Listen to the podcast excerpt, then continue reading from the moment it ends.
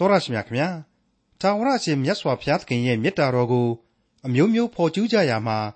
စန်းစန်းပြပြလေးဖြစ်တယ်လို့အချို့အချို့သောသူများအတွက်အလျင်းလက်မခံနိုင်စရာတင်စားနှိုင်းရှင်ဖော်ကျူးပုံတွေကိုဒီကနေ့သင်သိရသောတမန်ကျမ်းအစီအစဉ်မှာလေ့လာမှာဖြစ်တဲ့ခရိယန်တမန်ကျမ်းရဲ့ဓမ္မဟောင်းကျမ်းပိုင်းတွေကရှောလမုန်တခြင်းအခန်းကြီး1အခန်းငယ်1ကနေအခန်းငယ်4အထိမှာတွေ့ရပါတယ်။ရှောလမုန်တခြင်းဟာချစ်မြတ်တာပွဲကြီးဖြစ်ပါတယ်။ လူတွေအချင်းချင်းချစ်ခင်ကျင်နာမျက်နှိုးယူရပုံများအတိုင်းတိကုံးဆက်ဆိုဖော်ကျူးထားပါတယ်။ဒါပေမဲ့ရှောလမုန်တခြင်းဟာလူအချင်းချင်းချစ်ခင်ကျင်နာမျက်နှိုးယူရမှုမဟုတ်ဘဲနဲ့လူသားများနဲ့လူသားတိုင်းရဲ့ကယ်တင်ရှင်သခင်ယေရှုခရစ်တော်တို့ရဲ့ချစ်ခင်ကျင်နာမျက်နှိုးယူရမှုဖြစ်တယ်ဆိုတာကိုတော့အမြဲမပြတ်သတိချက်ကြရပါလိမ့်မယ်။ရှောလမုန်တခြင်းရဲ့ချစ်မြတ်တာဘွဲ့ဟာအင်မတန်မှလောကီဆန်ပါတယ်။ မိဖုရားပေါင်း900နဲ့မောက်မမိတ်တန်ပေါင်း300ရှိတဲ့ရှောလမုန်မင်းကြီးနဲ့ဖျားရှင်တို့ရဲ့အကြားတည်ရှိတဲ့ချစ်ချင်းမြတ်တာကိုဖော်ကျူးဖွင့်ဆိုရမှာဒီလိုလောကီဆန်လာတဲ့ဖော်ကျူးဖွင့်ဆိုချက်တွေနဲ့ပြည့်နေပါတယ်။လူသားတိုင်းရဲ့ကယ်တင်ရှင်သခင်ယေရှုခရစ်တော်ကလည်းလူသားတွေနားလည်လွယ်ဖို့ထုံနည်းတူစွာဖော်ပြမိတ်ဆိုတော်မူခဲ့တဲ့အကြောင်းနဲ့အတူရှောလမုန်တခြင်းအခန်းကြီး1အခန်းငယ်1ကနေအခန်းငယ်၄အထိကိုဒေါက်တာထွန်းမြတ်ကြီးက အခုလိုရှင်းလင်းတင်ပြထားပါတယ်။တင်ပြရသောတမန်ကျမ်းရဲ့မိတ်ဆွေတော်တတ်ရှင်အပေါင်းတို့ခမညာဒီကနေ့အဖို့မှာတော့ကျွန်တော်တို့ဟာရှောလမုန်တည်ခြင်းရဲ့အခန်းကြီး1ကိုစတင်လေ့လာသွားကြရပါတော့မယ်။မိတ်ဆွေတို့ကျွန်တော်တို့အနေနဲ့ရှောလမုန်တည်ခြင်းတဲကဇလံအချင်းကျုပ်ကိုတော့ပြီးခဲ့တဲ့ဏ္ဍန်အပိုင်း1မှာလေ့လာလို့ပြီးခဲ့ပါပြီ။ဒါကြောင့်မလို့ဇလံသဘောမျိုးလေ့လာစရာမလိုတော့ဘဲနဲ့အခန်းကြီးတစ်ခုချင်းကဖော်ပြတဲ့အချက်တွေကိုသာဆက်လက်လေ့လာသွားကြရပါလိမ့်မယ်။မိတ်ဆွေတို့အတွက်ဒါတွေဟာစိတ်ဝင်စားစရာများစွာရှိလိမ့်မယ်လို့လည်းကျွန်တော်ခံယူမိပါတယ်။ ကျွန်တော်ကြိုတင်မိတ်ဆက်ပေးခဲ့တဲ့အတိုင်းပဲတည်ခြင်းပေါင်း1005ပုဒ်ဆက်စုခဲ့တဲ့အထက်ကဘုရားသခင်အလိုတော်ရှိသောတည်ခြင်း5ပုဒ်ကိုသာပေါင်းစုတင်ပြထားသောကျမ်းအဖြစ်ရှောလမုန်တည်ခြင်းဆိုတာဟာနှုတ်ကပတ်တော်ရဲ့အသက်လန်းစာပေအဖြစ်ပါဝင်လာပါတယ်ဘုရားသခင်ရဲ့တန်ရှင်းသောဝိညာဉ်တော်လမ်းပြလိုက်သောစာပေတစုအဖြစ်ပါဒီအသက်လန်းစာပေရဲ့အနှစ်ချုပ်ပုံပြင်ဇက်လန်းကိုလေကျွန်တော်တို့သိခဲ့ရပြီးပြီမို့လို့ဒီကနေ့ဒီအချိန်မှာတော့ဝိညာဉ်ရေးအတိတ်ပဲများကိုတလှည့်စဉ်းစားအဖြေထုတ်ကြပါအောင်စို့လို့တင်ပြခြင်းပါတယ် မိတ်ဆွေအပေါင်းတို့ကယ်တင်ရှင်ယေရှုကိုပြုတော်မူတဲ့သခင်ခရစ်တော်အသင်းတော်ရဲ့ဥကောင်းဖြစ်တော်မူတဲ့သခင်ခရစ်တော်ကျွန်တော်တို့တူးချင်းအတွက်အစဉ်ထိဆက်နိကတ်စွာဥဆောင်မှုပြုတော်မူသောသခင်ခရစ်တော်အားစိတ်စိတ်မျှော်ကြည့်ကြရင်းနဲ့ဒီကျမ်းကိုစတင်လိုက်ကြပါစို့ရှောလမုန်တည်ခြင်းအခန်းကြီး1အငယ်1တည်ခြင်းတကားတို့တွင် အထွတ်ဖြစ်သောရှောလမုန်တည်ခြင်းတဲ့မိတ်ဆွေအပေါင်းတို့အခုလိုဖော်ပြလိုက်ခြင်းဟာဒီတည်ခြင်းရဲ့အကြောင်းကိုစာတန်းထိုးလိုက်ခြင်းပါပဲ အခုခေတ်ကျွန်တော်တို့ရုပ်ရှင်တွေဗီဒီယိုတွေမှာကြည့်လိုက်မယ်ဆိုရင်ဇလန်းရဲ့အရင်ဦးဆုံးထုတ်လုပ်သူဂုံမနီဖြစ်တဲ့ Paramount တို့ Columbia တို့အစရှိတဲ့ဂုံမနီကြီးတွေကိုအထိတ်တလန့်တခန်းတနာပြပြီးတော့မှရုပ်ရှင်စာတန်းထိုးကြပါတယ်အဲ့ဒီလိုမဟုတ်တဲ့အခုစာတန်းကတော့ဘသူလက်ရဖြစ်တယ်နန်းတော်ကဘယင်ရေးတယ်ဆိုတာဒီတခုမှမပါဝင်ပဲနဲ့တီချင်းတကာတို့တွင်အထွတ်အထိပ်ဖြစ်တဲ့ရှောလမုန်တီချင်းပဲဖြစ်တဲ့အကြောင်းတင်ပြလိုက်ပါတယ်သိပြီးတော့အတိတ်ပဲလင်းနေနေပါတယ်အချစ်အကြိုက်ပြိသက်တီအတွက် အသေးဆွဲနေရတဲ့ Shakespeare's ရဲ့ Romeo and Juliet တို့လူအချစ်ကိုစစ်နဲ့ရောထွေးဖော်ပြထားတဲ့စာရေးဆရာကြီး Tolstoy ရေးသားခဲ့တဲ့ War and Peace တို့ George Pasternak ရဲ့ Dr. Zhivago တို့လိုဝတ္ထုကြီးတွေနဲ့မတူပါဘူးကျွန်တော်မြန်မာစာပေနယ်မှာတခိမကလွှမ်းမိုးခဲ့တဲ့တက္ကသိုလ်ဖုံးနိုင်ရဲ့တငယ်ချင်းလိုပဲဆက်၍ခေါ်မိခိုင်းအောင်လင်းရဲ့မောက်မမငိမ့်ခင်နှင်းယူရဲ့ပန်းပန်လျက်ပါ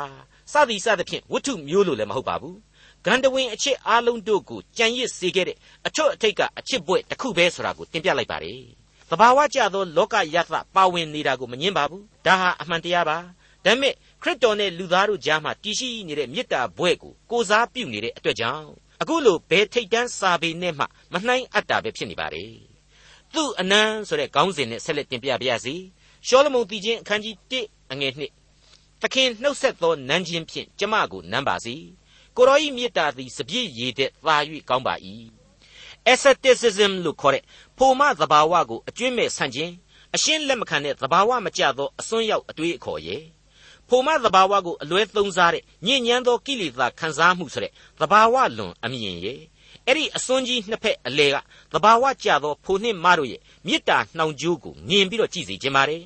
အလွန်လှပသောလင်္ကာယသတို့ကိုဒီအပိုင်းမှာတွေ့ရမှာဖြစ်ပါတယ် သခင်နှုတ်ဆက်သောနန်းချင်းဖြင့်ကျမကိုနမ်းပါစေ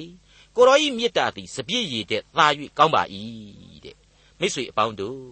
အချစ်နဲ့တွေ့ရှက်နေတဲ့နန်းချင်းဖြစ်ပါတယ်ငြိမ်းချမ်းရေးရဲ့လက္ခဏာလို့လေအဲ့ဒီရှေးခေတ်အမြင်အရဆိုလို့ရပါတယ်ရှောလမုန်ဆိုတဲ့ဝေါ်ဟာရမှာပင်လျှင်ငြိမ်းချမ်းခြင်းလို့အတိတ်ပဲရနိုင်သလိုရှုလမိတ်ဆိုတာဟာလေငြိမ်းချမ်းရေးဤသမီးပြိုလို့အတိတ်ပဲရှိနေပါတယ်အနန်းဆိုတာဟာအလွန်ပုဂ္ဂိုလ်ကြီးဆံပါတယ်နိစတ်ထိကတ်ခြင်းကိုလည်းသိသာစေပါတယ် ထူးဆန်းနေတာကတော့အင်္ဂလိပ်ကျမ်းအရာ let him kiss with the kisses of his mouth ဆိုပြီးတော့ဖော်ပြပါတယ်သူ့နှုတ်ဖြင့်နမ်းစီခြင်းပဲဖြစ်ပါတယ်မိတ်ဆွေအပေါင်းတို့ခမညာမောရှိအာယုံမှစတဲ့ဘရင်တွေပရောဖက်တွေဟာနှုတ်ကပတ်တော်အဖြစ်ပြောကြားသွားတဲ့အဆုံးအမစကားတွေများစွာနဲ့ကျွန်တော်မိတ်ဆွေတို့ကိုနှုတ်ဆက်လျက်ရှိနေကြပါတယ်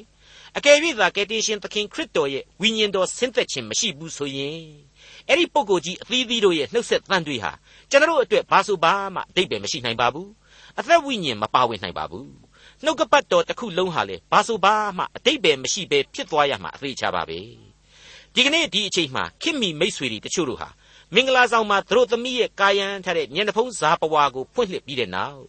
လက်စွပ်ကိုလဲယုံတယ်မကချစ်သူယောက်ျားကလေးဟာသူ့မိန်းကလေးကိုနန်းတာမျိုးကိုကျွန်တော်တို့မကြာခဏတွေ့ရပါတယ်ဒါမရင်သိပါဘူး ဒါဟာသူ့ရဲ့ပွင့်လင်းစွာသောအနံ့အားဖြင့်သူပိုင်ဆိုင်ပြီဆိုတဲ့သစ္စာကိုတစိ့ခတ်နှိပ်လိုက်တာ ਨੇ အတူတူပါပဲကယ်တင်ရှင်သခင်ခရစ်တော်ဟာကျွန်တော်တို့တူးချင်းကိုအဲ့ဒီလိုပဲအနံ့လက်ဆောင်အားဖြင့်တနည်းအားဖြင့်နှုတ်ကပတ်တော်ကဖော်ပြတဲ့အသစ်သောကျေးဇူးနဲ့ဂရုဏာတော်အားဖြင့်သစ္စာတစိ့ခတ်နှိပ်လျက်ရှိနေပါတယ်။သူကအဲ့ဒီလိုတစိ့ခတ်နှိပ်လိုက်တာနဲ့ကျွန်တော်တို့ကိုသူပိုင်ဆိုင်ပါတယ်။ကျွန်တော်တို့ဟာသူ့စီမှာခိုနာပြီးတော့သူ့ကျေးဇူးတော်ကိုခိုးလုံးသူ့ကယ်တင်ခြင်းတရားတော်ကိုခံစားသူ့အတွက်လည်းကျွန်တော်တို့ရဲ့ဘဝကိုစက္ကပ် အနှံယုံမျှတာရှိနေပါတယ်။မိတ်ဆွေအပေါင်းတို့သူ့အနမ်းနဲ့အတူဖော်ပြလာတာကတော့သူ့ရဲ့မေတ္တာသဘောပဲဖြစ်ပါတယ်။ဒီအကြောင်းကိုသူ၏မေတ္တာဆိုတဲ့ခေါင်းစဉ်နဲ့ဆက်လက်လေ့လာကြည့်ကြပါအောင်စို့။ကိုတော်၏မေတ္တာသည်စပြည့်ရည်တဲ့သာ၍ကောင်းပါ၏တဲ့မိတ်ဆွေအပေါင်းတို့ခမညာအဲ့ဒီရှေးကာလမှာစပြည့်ရည်ဟာကမ္ဘာအကောင်းဆုံးဇိမ်ခံပစ္စည်းတစ်ခုလို့ကျွန်တော်တို့ခံယူနိုင်ပါတယ်စပြည့်ရည်နဲ့ပွဲခံတယ်ဆရာဟာလူမှုရေးကဏ္ဍတစ်ခုမှာတော့အကောင်းဆုံးပျော်ရွှင်မှုတစ်ခုပဲဖြစ်ပါတယ် ဒီနေရာမှာတမန်တော်ကြီးရှင်ပေါလုကနေပြီးတော့အေဖက်ဩဝါဒစာအခန်းကြီး9အငယ်16အရာဖော်ပြထားတဲ့အချက်တစ်ခုရှိနေတာကိုသတိပြုမိဖို့လိုပါတယ်လွန်ကျူးစေတတ်သောစပြည့်ရည်နှင့်ရစ်မှုခြင်းကိုရှောင်၍ဝိညာဉ်တော်နှင့်ပြည့်စုံလျက်ရှိကြလောဆိုတဲ့အချက်ဖြစ်ပါတယ်လောကပျော်မွေ့ခြင်းတွေမှာစပြည့်ရည်ကိုသုံးတာကိုနှုတ်ကပတ်တော်ဟာအသိအမှတ်ပြုထားပါတယ်ဒါပေမဲ့လွန်ကျူးစေတတ်တယ်ပြီးတော့ယစ်မှုစေတတ်တယ်အဲ့ဒီယစ်မှုခြင်းတဲ့ဘယ်တော့မှမလွန်ကျူးနိုင်တဲ့ပျော်မွေ့ခြင်းလမ်းကိုပြသပေးလိုက်ပါတယ် အဲ့ဒါကတော့ခရစ်တော်ဤဝိညာဉ်တော်နှင့်ခွန်အားဖြည့်တင်းခြင်းပဲဖြစ်ပါတယ်မိတ်ဆွေတနည်းအားဖြင့်ကတော့ကျေးဇူးတော်နှင့်ယစ်မှုခြင်းအရာရာသောအခြားလောကကိစ္စတွေကိုအစွဲအလန့်တွေကိုမေ့လျော့ကြောခိုင်းခြင်းလို့ဆိုခြင်းလဲဆိုနိုင်ပါလိမ့်မယ်ဟုတ်ပါတယ်အခုရှောလမုန်တည်ခြင်းကနေဖော်ပြပေးလိုက်ပါပြီကိုရောဤမေတ္တာသည်အခြားလောကပျော်မွေ့ခြင်းအလုံးစုံတဲ့သာ၍ကောင်းပါ၏ဆိုတဲ့အချက်ပဲဖြစ်ပါတယ်ဒီနေရာမှာရှင်ပေတရုဩဝါဒစာပထမစာဆောင်အခန်းကြီး1 အငယ်6ကနေ9အတွင်းမှာတမန်တော်ကြီးရှင်ပေတရုကနေပြီးတော့အခုလိုဆုံးမသွန်သင်ထားတဲ့အချက်တစ်ခုရှိနေပါတယ်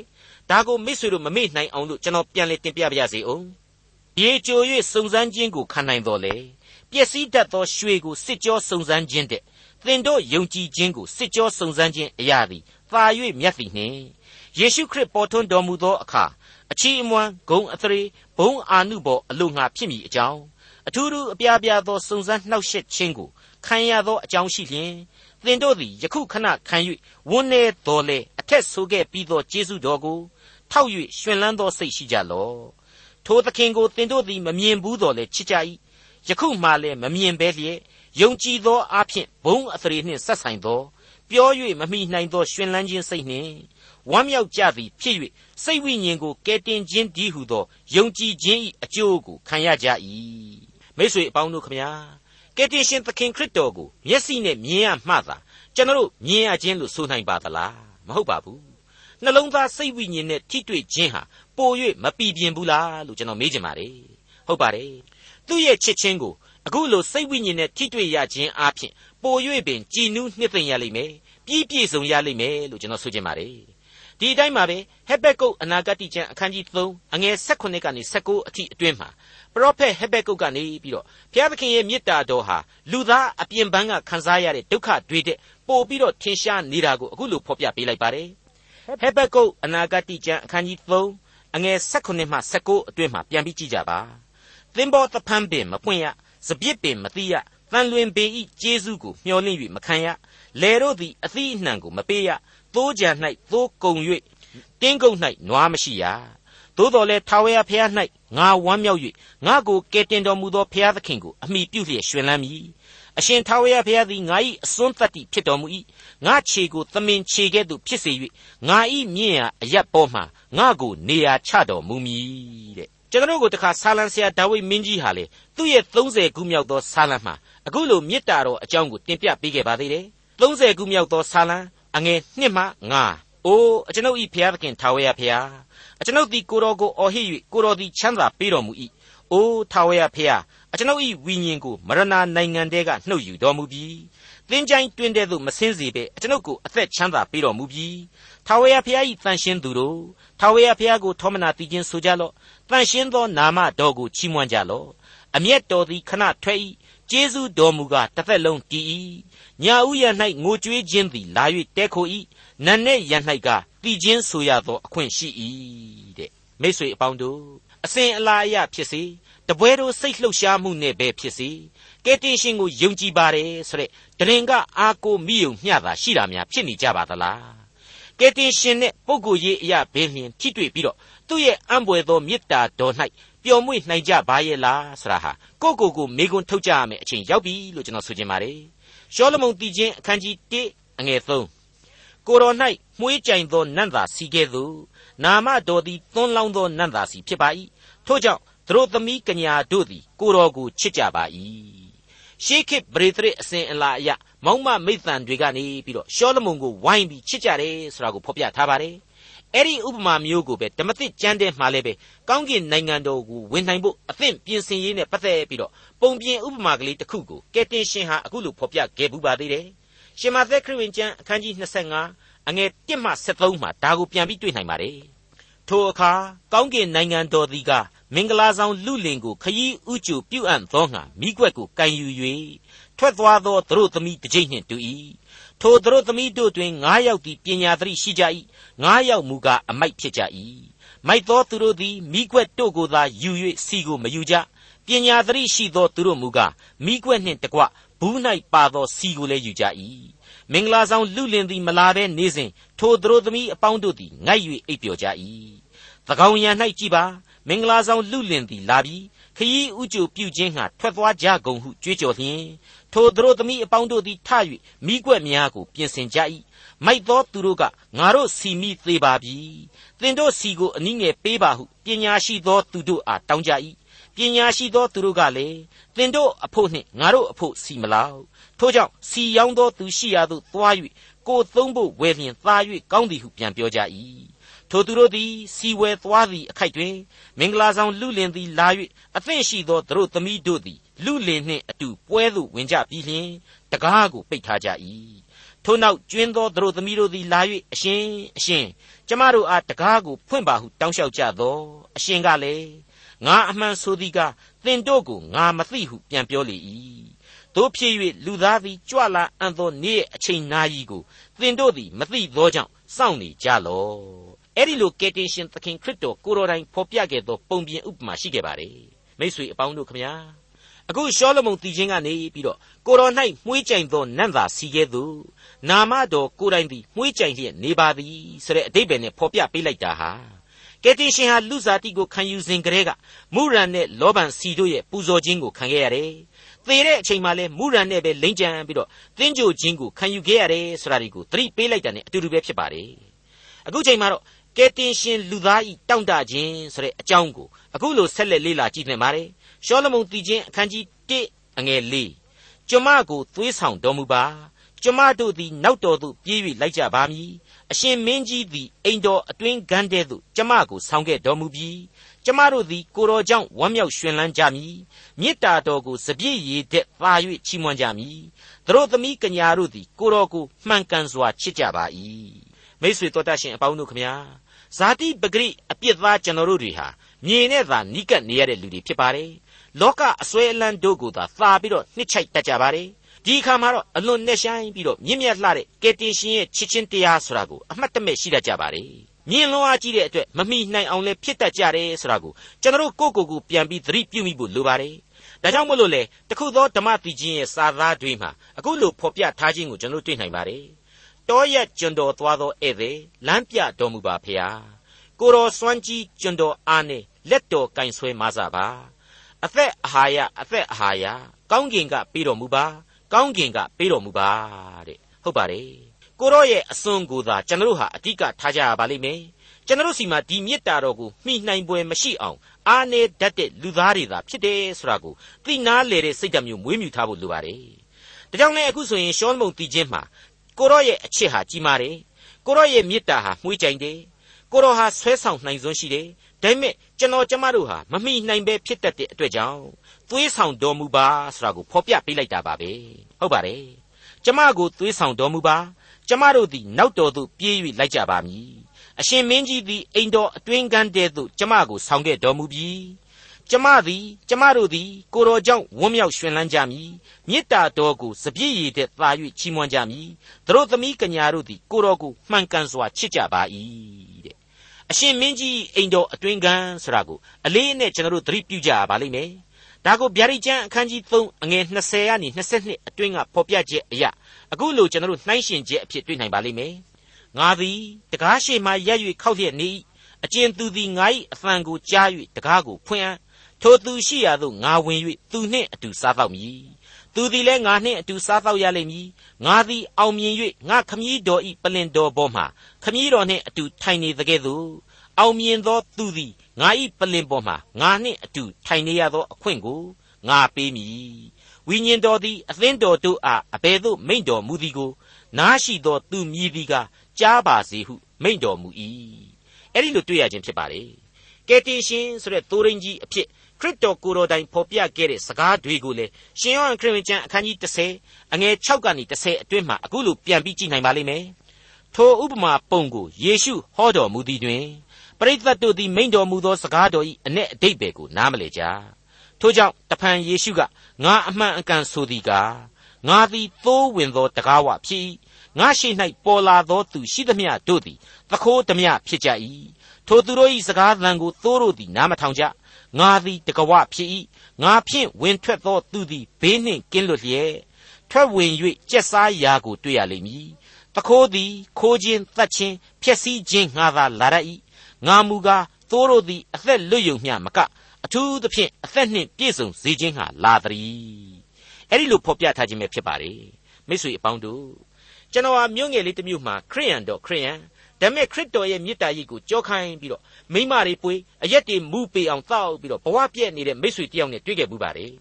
အဲ့ဒီမိတ်ဆွေကြီးဟာသူ့ရဲ့နောက်မိမတွေနဲ့ပဲပျော်မွေ့ပြီးတော့နေပါတယ်အဲ့တော့သားသမီး6ယောက်9ယောက်ရှိတဲ့သူ့ရဲ့တရားဝင်ဇနီးမယားကြီးနဲ့မိသားစုဟာဒုက္ခတွေပင်လယ်ဝေးနေရတာကိုတွေ့ခဲ့ရပါတယ်ပြီးတော့အခြေခံစိတ်သဘောတွေအရင်းခံစိတ်ထားတွေအင်မတန်ကောင်းပါလျက်နဲ့ သာယာချမ်းမြေ့ခြင်းအရှင်မရှိအမြဲမျက်နှာငဲနေရတဲ့မိသားစုအဖြစ်တွေကိုရင်နာပွဲတွေ့ကြုံခဲ့ရမှုပါတယ်အဲ့ဒီမိတ်ဆွေကြီးဟာလေကျွန်တော်ကိုအတော်ခင်မင်ရင်းနှီးတော့ကျွန်တော်အနေနဲ့တတ်နိုင်သူသူ့ကိုတရားဟောရပါတယ်ခရစ်တော်ရဲ့မေတ္တာတော်အရေးမှာပဲပြန်ပြီးတော့ခိုလှုံဖို့ဆိုပြီးတော့တိုက်တွန်းအားပေးခဲ့ရပါတယ်သူကကျွန်တော်ကိုဆရာရဲ့မကောင်းမှန်းတော့ကျွန်တော်လည်းသိပါတယ်ဒါပေမဲ့စိတ်ကိုလှုပ်ပြီးတော့စားတော့ပျော်ပါနေရတာကိုပဲကျွန်တော်စွဲနေပြီ အကျင့်လဲသိပ်ပြီးတော့ပါနေလို့အဲ့ဒီဘဝကိုယုံထွက်နိုင်စွန်းလည်းမရှိတော့ပါဘူးလို့ဝန်ခံခဲ့ပါတယ်အဲ့ဒါနဲ့ပဲမိษွေကြီးကိုခမရတယောက်ပဲအဲ့ဒီလိုပျော်နေပြီးတော့မိသားစုဒူးနဲ့မျက်ရည်သုတ်နေရတာကိုတော့ခမရဒီတိုင်းကြည့်နေမှာလားဗျာခမရကြီးပဲမဟုတ်သမီးပြိုကလေးတွေသားပြိုကလေးတွေပါဘဝပြက်နိုင်တယ်ဆိုတာသတိမရတော့ဘူးလားဗျာဒါအပြင်ခမည်းကိုအခုချစ်ပါတယ်ဆိုတဲ့ဒုစရိုက်အတိုင်းအဝိုင်းတဲ့ခရစ်တော်ကယ်တင်ရှင်ဟာပို့ပြီးတော့ချစ်တယ်သူ့ကိုပြန်ပြီးကိုးကွယ်ခိုးလှုံမယ်ဆိုရင်အခုပျော်မွေ့ရတာတဲ့ ပို့ပြီးတော့ပျော်မွေ့ရလိမ့်အောင်မယ်လို့ကျွန်တော်ယုံကြည်ပါတယ်လူတို့ကြံစည်၍မမိနိုင်သောညီသက်ချင်းနဲ့ဝမ်းမြောက်ခြင်းကိုကယ်တင်ရှင်ဟာပေးပိုင်ပါတယ်ဗျာဆိုပြီးတော့အားပေးခဲ့ရပူပါတယ်ဆယ်နှစ်လောက်ခြားပြီးတဲ့နောက်ပိုင်းမှာအရင်တလောကသူဟာရန်ကုန်ကိုရောက်လာပြီးတော့ဝန်ခံပါတယ်သူ့ဘဝဟာပြောင်းလဲသွားပြီ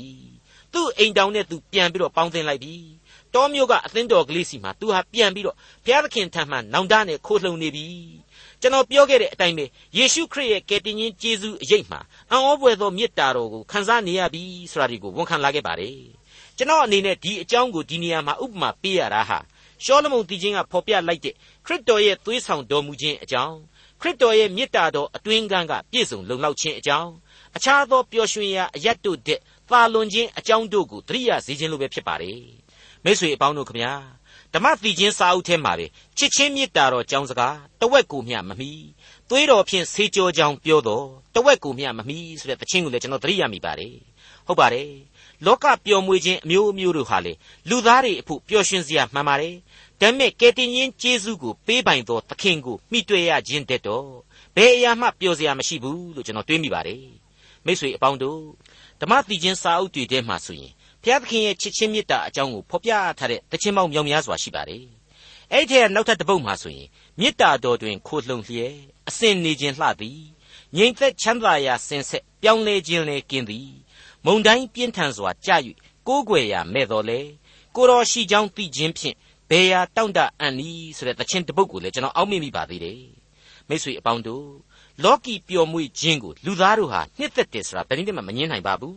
လူသားဟာလောကီပျော်မွေ့ခြင်းကိုနှစ်သက်ကြရမှာတမတာပါပဲဒါပေမဲ့သုတ်တန်ကျမ်းဒီမှာရှောလမုန်မင်းကြီးဖော်ပြခဲ့တဲ့အချက်တချို့ကိုလည်းဒီနေရာမှာအောက်မေ့ဖို့လိုတယ်လို့ကျွန်တော်တွေးမိပါတယ်သုတ်တန်ကျမ်းအခန်းကြီး24အငယ်73ကနေအတော်အတန်ဖတ်ကြည့်မယ်ဆိုရင်ငါသာပြားရည်ကောင်းသောကြောင့်စားလော့ချိုမြိန်သောပြားလပုတ်ကိုလည်းစားလော့ထို့အတူသင်တွေ့ရသောပညာတရားသည်စိတ်ဝိညာဉ်၌အရသာနှင့်ပြည့်စုံ၍သင်သည်မျှော်လင့်ခြင်းအကြောင်းမပြည့် ကောင်းသောအကျိုးကိုခံရလိမ့်မည်အဲ့ဒီလိုဖော်ပြထားတာတွေ့နိုင်ပါတယ်အဲ့ဒီအတိုင်းပါပဲသုတ်တန်ကျမ်းအခန်းကြီး25ဏိဂုံးပိုင်းဒီမှာကြတော့ဖြောင့်မတ်သောသူသည်မတရားသောသူရှိတွင်မှားယွင်းလျင်နောက်သောရေကန်ပုတ်သောစမ်း၍တင်းနှင့်တူ၏ပြားရည်ကိုစားကျူးလျင်မကောင်းတကယ်သို့ကိုဂုံအသရေကိုရှာလျင်ဂုံအသရေမရှိကိုစိတ်ကိုမချုပ်တီးနိုင်သောသူသည်မြို့ရိုးပြိုပြက်၍ဟင်းလင်းရှိသောမြို့နှင့်တူ၏ဆိုပြီးတော့ရှောလမုန်မင်းကြီးပဲဆုံးမထားခဲ့တဲ့အချက်တစ်ခုရှိပါတယ်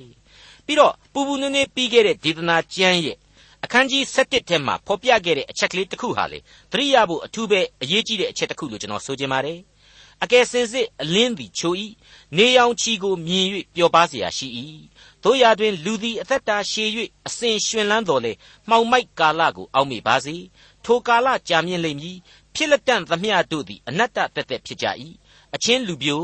အသက်ပြိုသောအခါပျော်မွေ့လော့ အသက်ပြိုစဉ်ကာလတွင် စိတ်ရှင်လန်းခြင်းရှိလော့ကိုလိုရာလမ်းနှင့် ကိုအလိုရှိရာလမ်းနှင့်ကိုညံပြသောလမ်းသို့လိုက်လော့တို့ရာတွင် ထိုအမှုအလုံးစုံတို့ကိုဘုရားသခင်စစ်ကြော၍သင်ကိုအပြစ်ပေးတော်မူမည်ဟုအောက်မေ့လော့ဆိုပြီးတော့ဖော်ပြခဲ့ပါသေးတယ်မိတ်ဆွေအပေါင်းတို့ကျွန်တော်ရဲ့နေမှာရှိခဲ့တဲ့မိတ်ဆွေကြီးဟာသူ့ရဲ့ဘဝပြုပြင်ပြောင်းလဲခြင်းကယ်တင်ရှင်သခင်ခရစ်တော်ရဲ့ချစ်ချင်းမေတ္တာရိပ်ကိုပြန်လဲတိုးဝှေ့ဝင်ရောက်လာခြင်းနဲ့ပတ်သက်ပြီးတော့ကျွန်တော်ကိုတက်သေးခံရင်းနဲ့ ဒါဝိမင်းကြီးသည်ယူဒတော်၌ရှိသောအခါဆက်ဆိုသောဆာလံလို့ဆိုထားတဲ့63ခုမြောက်သောဆာလံကိုတောင်မှအလွတ်ရွတ်ဆိုပြသွားခဲ့ပါသေးတယ်ဟုတ်ပါတယ်သူဟာဒါဝိမင်းကြီးခံစားရတယ်လို့ဂျေဇုတော်ရဲ့ခိုင်မာမှုကိုထိတွေ့သွားရပြီလို့ကျွန်တော်ခံစားမိပါတယ်အဲ့ဒီ63ခုမြောက်သောဆာလံဟာအခုလိုဆိုဖွဲ့ထားပါတယ်ဒါဝိဒ်သည်ယူဒတော်၌ရှိသောအခါဆက်ဆိုသောဆာလံအိုဖျားသခင်ကိုတော်သည်အကျွန်ုပ်၏ဖျားသခင်ဖြစ်တော်မူ၏ ကိုတော်ကိုကြိုးစား၍ရှာပါ၏ရေမရှိသွေးချောက်သောလွင်ပြင်၌အကျွန်ုပ်၏ဝိညာဉ်သည်ကိုတော်ကိုငတ်ပါ၏အကျွန်ုပ်၏ကိုယ်ခန္ဓာသည်လည်းကိုတော်ကိုလွန်းဆွတ်ပါ၏ဘုံတကိုအာနုဘော်တော်ကိုမြင်ခြင်းဟာတန်ရှင်းရာဌာနတော်၌ထိုသို့ကိုတော်ကိုဖူးမြော်ပါပြီဂယုနာတော်သည်အသက်တည်းသာ၍ကောင်းသောကြောင့်အကျွန်ုပ်၏နှုတ်သည်ကိုတော်ကိုချီးမွမ်းရပါမည်ထိုသောအသက်ရှင်စဉ်တွင်ကိုတော်ကိုကောင်းကြီးပေးပါမည်နာမတော်ကိုအမိပြုလျက်လက်ကိုချီပါမည် အိယာပေါ်မှကိုတော်ကိုအောက်မေ့၍ညယံတို့၌ကိုတော်ကိုဆင်ကျင်လျက်နေသောအခါစီဥကို၎င်းစူသောအသားကို၎င်းစား၍ဝါတကဲ့သို့အကျွန်ုပ်၏ဝိညာဉ်သည်ဝါ၍ရှင်လန်းသောနှုတ်ခမ်းနှင့်အကျွန်ုပ်၏နှုတ်သည်ကိုတော်ကိုချီးမွမ်းပါမည်အကျွန်ုပ်ကိုမဆတော်မူသောကြောင့်အတောင်တော်အရိပ်၌ဝမ်းမြောက်ပါမည်အကျွန်ုပ်၏ဝိညာဉ်သည်ကိုတော်၌မှီဝဲ၍လက်ရလက်တော်သည်အကျွန်ုပ်ကိုထောက်မတော်မူ၏ အကျွန်ုပ်၏အသက်ကိုဖျက်ဆီးခြင်းငှာရှာသောသူတို့သည်မြေကြီးအောက်အရက်သို့ဆင်းရကြမည်။ဒါဘေးဖြင့်ဆုံး၍မြေခွေးစားရန်ဖြစ်ရကြလိမ့်မည်။ရှင်ဘရင်မူကားဖျားသခင်၌ဝမ်းမြောက်လိမ့်မည်။ဖျားသခင်ကိုတိုင်တီ၍ကျိန်ဆိုသောသူအပေါင်းတို့သည်ဝါကြွားကြလိမ့်မည်။မှုသာစကားကိုပြောသောသူတို့၏နှုတ်မူကားပိတ်လျက်ရှိလိမ့်မည်။မိတ်ဆွေအပေါင်းတို့အဲ့ဒီဒါဝိဒ်ယူဒတော်မှာရှိနေခြင်းမှာဆက်ဆူလိုက်တဲ့ဆာလံတဲက ကိုတော်ကိုကြိုးစား၍ရှာပါ၏ဆိုတဲ့အတိုင်းကျွန်တော်တို့ကိုတော်ကိုကြိုးစား၍ရှာကြပါရဲ့လားရေမရှိသွေးချောက်သောလွင်ပြင်လို့ခေါ်တဲ့လောကဂန္ဓာတဲမှာပဲကျွန်တော်တို့ဟာပျော်မွေ့နေကြမှာလားကျွန်တော်ရဲ့ဝိညာဉ်ဟာကိုတော်ကိုငတ်ပါ၏ဆိုပြီးတော့ဝန်မခံနိုင်ကြတော့ဘူးလားလို့ကျွန်တော်မေးချင်ပါတယ်အခုကျွန်တော်လေ့လာနေတဲ့ရှောလမုန်တည်ခြင်းဟာတည်ခြင်းတကားတို့တွင်အထွတ်ဖြစ်သောရှောလမုန်တည်ခြင်းဖြစ်ပါတယ်ဒီတည်ခြင်းအပြင်သခင်ရဲ့ချစ်ချင်းမေတ္တာအကြောင်းကိုလေးနက်စွာဖော်ပြနေပါတယ် ကျွန်တော်ကိုကယ်တင်ရှင်ရဲ့ချစ်ချင်းအရေးကိုတွားဖို့ရန်လဲတိုက်တွန်းနေတယ်လို့ကျွန်တော်တင်ပြလိုက်ပါရစေသခင်နှုတ်ဆက်သောနန်းချင်းဖြင့်ကျမကိုနမ်းပါစီကိုတော်ဤမေတ္တာသည်စပြည့်ရည်တဲ့သာ၍ကောင်းပါ၏ကိုတော်၌မှုေးကြိုင်သောနန့်သာစီကဲ့သို့နာမတော်သည်သွန်းလောင်းသောနန့်သာစီဖြစ်ပါ၏ထို့ကြောင့်သူတို့သမီးကညာတို့သည်ကိုတော်ကိုချစ်ကြပါ၏ကျမကိုသွေးဆောင်တော်မူပါကျမတို့သည်နောက်တော်သို့ပြေး၍လိုက်ကြပါမည်အရှင်မင်းကြီးသည်အိမ်တော်အတွင်းကန်းတဲ့သို့ ကျမကိုဆောင်ခဲ့တော်မူပြီကျမတို့သည်ကိုတော်ကြောင့်ဝမ်းမြောက်ရွှင်လန်းကြမည်မေတ္တာတော်ကိုစပြည့်ရည်တဲ့သာ၍ချီးမွမ်းကြမည်သူတို့သမီးကညာတို့သည် ကိုတော်ကိုမှန်ကန်စွာချစ်ကြပါ၏မိတ်ဆွေသောတာရှင်တို့အပေါ်မှာရှောလမုန်တည်ခြင်းအားဖြင့်ထာဝရဘုရားထံတော်မှငြိမ်သက်ခြင်းနှင့်ကောင်းကြီးမင်္ဂလာများအစဉ်တစိုက်ခံစားရပါစေလို့ကျွန်တော်တင်ပြရသောတမန်ကျန်အဖွဲ့ကဆုတောင်းပေးလျက်ရှိနေကြောင်းပါ ဒေါက်တာထွန်းမြတ်ရေးစီစဉ်တင်ဆက်တဲ့တင်ပြရသောတမန်ကျန်အစီအစဉ်ဖြစ်ပါတယ် နောက်တစ်ချိန်အစီအစဉ်မှာ ခရိယန်တမန်ကျန်ရဲ့ ဓမ္မဟောင်းကျမ်းပိုင်းတွေကရှောလမုန်သခင်အခန်းကြီး1အခန်းငယ်9ကနေ အခန်းငယ်7အထိကို လေ့လာမှဖြစ်တဲ့အတွက် စောင့်မျှော်နားဆင်နိုင်ပါတယ်။